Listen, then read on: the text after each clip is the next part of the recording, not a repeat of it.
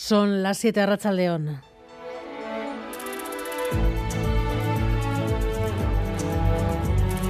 Gambara con Arancha García.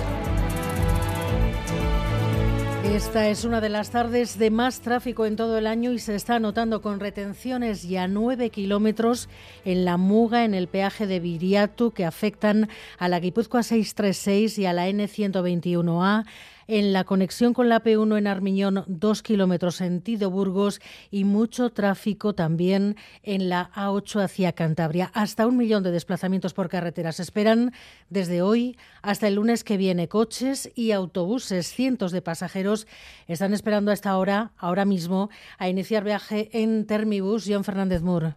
A Racha Aldeón sí, ir y venir constante de personas esta tarde aquí en las inmediaciones de la Intermodal de Bilbao, en una jornada en la que este ruido característico es el protagonista. El de las maletas que entran y salen de la estación de una manera constante. Como decimos, el interior de la intermodal está repleto, también los establecimientos hosteleros de su interior, en los que los viajeros apuran para tomarse un café antes de subir al autobús, que bien les lleve a su destino o bien también, en muchos casos, al aeropuerto. Y hay colas también en las máquinas para comprar billetes. Eso sí, de igual manera son multitud los que llegan, los que llegan hoy a la capital vizcaína, bien sea para reunirse con los suyos o para aprovechar esta Semana Santa y pasar unos días aquí en Euskadi.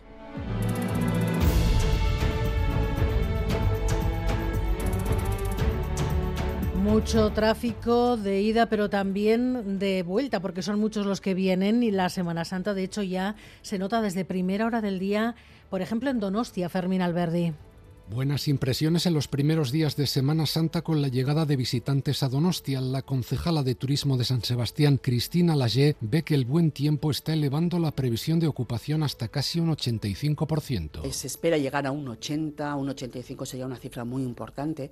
No estamos todavía a cifras de anteriores a la pandemia, ten en cuenta que ha nevado, las estaciones de esquí son una buena competencia en esta época del año, sobre todo cuando la Semana Santa cae a principios, como es este caso de, de abril, aunque una cifra de un 85% sería una cifra, una cifra espectacular ¿no? para, para San Sebastián. También en el sector hotelero, el presidente de Hoteleros de Guipúzcoa, Raúl Fernández Hacha, se muestra esperanzado, sobre todo con los días viernes y sábado. Decíamos hace una semanita que esperamos un 75, entonces los pico, el pico gordo, eh, que puede llegar a 90, son viernes y sábado. Pues el cliente nacional actúa a muy corto plazo y con distancia muy corta, con lo cual esos picos de última hora esperamos que en este caso sean para bien. La economía y el comercio donostiarra se juegan mucho en esta Semana Santa, recalcaban desde el ayuntamiento asegurando que la convivencia entre todos es posible y que los beneficios de este sector alcanzan a toda la economía. Y todo esto con la conmoción aún por el atropello múltiple en Cantabria. El conductor triplicaba la tasa de alcohol, dio positivo en drogas. Esta tarde ha comparecido ante el juez.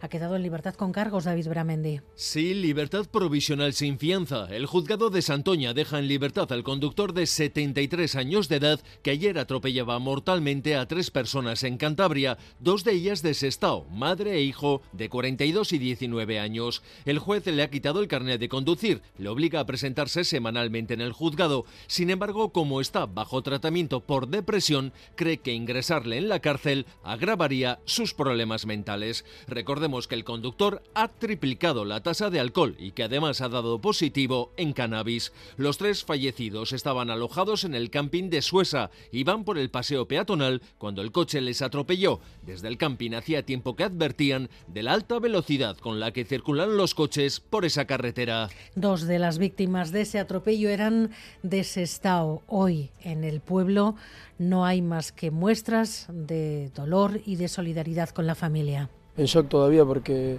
no te lo puedes creer. Encima el chaval era majísimo, o sea, no tenía ninguna maldad. Piensas en sus amigos, en su familia y te deja pues sin palabras, o sea, roto, totalmente roto. Lamentable, ¿qué vamos a decir? Que cosas así no deberían de pasar. Que la ley tendría que ser un poco dura o, o no sé qué decir. Está todo el mundo súper triste, como es normal. Y una última hora porque el Gobierno ha ordenado la limpieza urgente del Hospital Donostia y el de Arrasate. Según un informe, las condiciones de insalubridad han aumentado, alertan incluso de riesgo de incendio. Las trabajadoras de la limpieza han ampliado la huelga hasta el día 30. Y los deportes. Edu García, Rachaldeón. ¿Qué tal, Rachaldeón? Después de los trajines coperos de ayer en San Mamés, hoy nos toca mirar. dolores y coperos nos para toca mirar algunos. y mucho a la Itzulia, lo acontecido en eh, la tercera etapa en Villabona. Se esperaba un final espectacular en el muro de Ica, una cuesta de un kilómetro con pendientes hasta el 26%. Y ha ganado el gran favorito, Jonas Vingegaard, el corredor eh, danés del conjunto Jumbo, ha sido el más fuerte en esa subida final.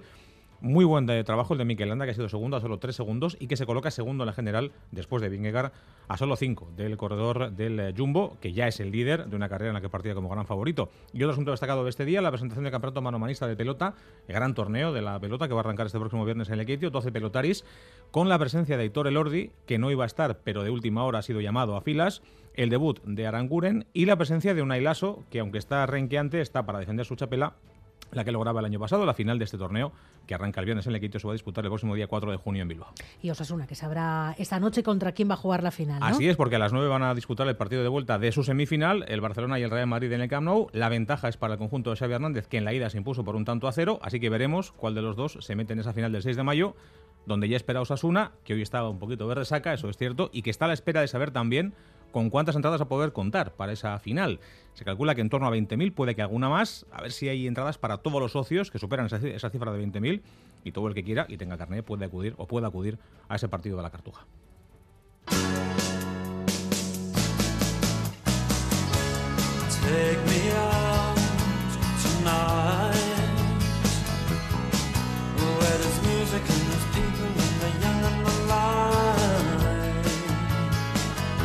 No es inusual, pero no deja de ser grave cada vez que pasa. Nico Williams ha dejado las redes sociales tras una noche de insultos por fallar dos ocasiones de gol en el partido de ayer. Williams ha cerrado todos sus perfiles. Lo peor es que no es el primer caso ni parece vaya a ser el último Gary Suárez. Cada vez se dan más casos de deportistas que borran sus redes debido al acoso y los insultos. Hoy ha sido Nico Williams, pero hace no tanto fue, por ejemplo, la tenista Paula Badosa.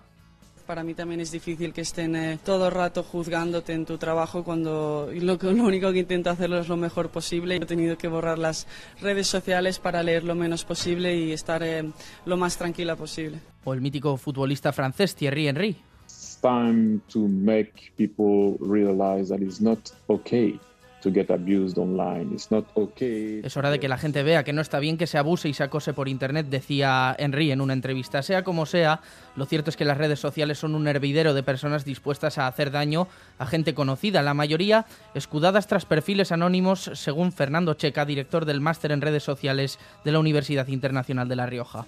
Un aficionado con nombre y apellidos que esté enfadado con un jugador de fútbol seguramente no se pondría delante de él y le insultaría, pero tapado por el anonimato que ofrece, la posibilidad del anonimato que ofrecen las redes sociales, no tiene ningún problema en insultar de la forma más grave y más descarnada posible. Según Checa, entre los haters, los odiadores, muchos no necesitan una razón para el insulto, simplemente se suman a una corriente. De hecho, en el caso de Nico Williams, varios de los que le han acosado ni siquiera tienen relación con el Athletic. sí que he encontrado algunos mensajes y he visto quién los lanzaba, ¿no? Y las personas que he detectado no eran aficionados del Athletic Club, que el perfil del, del odiador viene dado también por tengo un punto de mira y ahí voy. Así que el famoso o la famosa borre sus cuentas es motivo de alegría para el hater. Cuando mm, lógicamente una persona pues se ve eh, atacada de esta forma y dice, mira, cierro mis, mis perfiles en redes sociales, estos energúmenos consideran que han ganado. He logrado lo que quería. Gracias a mis insultos esta persona la he cancelado.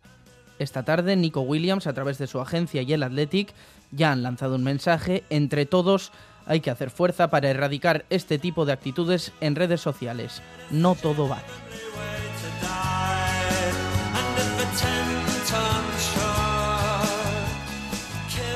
Miguel Ortiz y Paula Asensio están en la dirección técnica, Cristina Vázquez en la producción.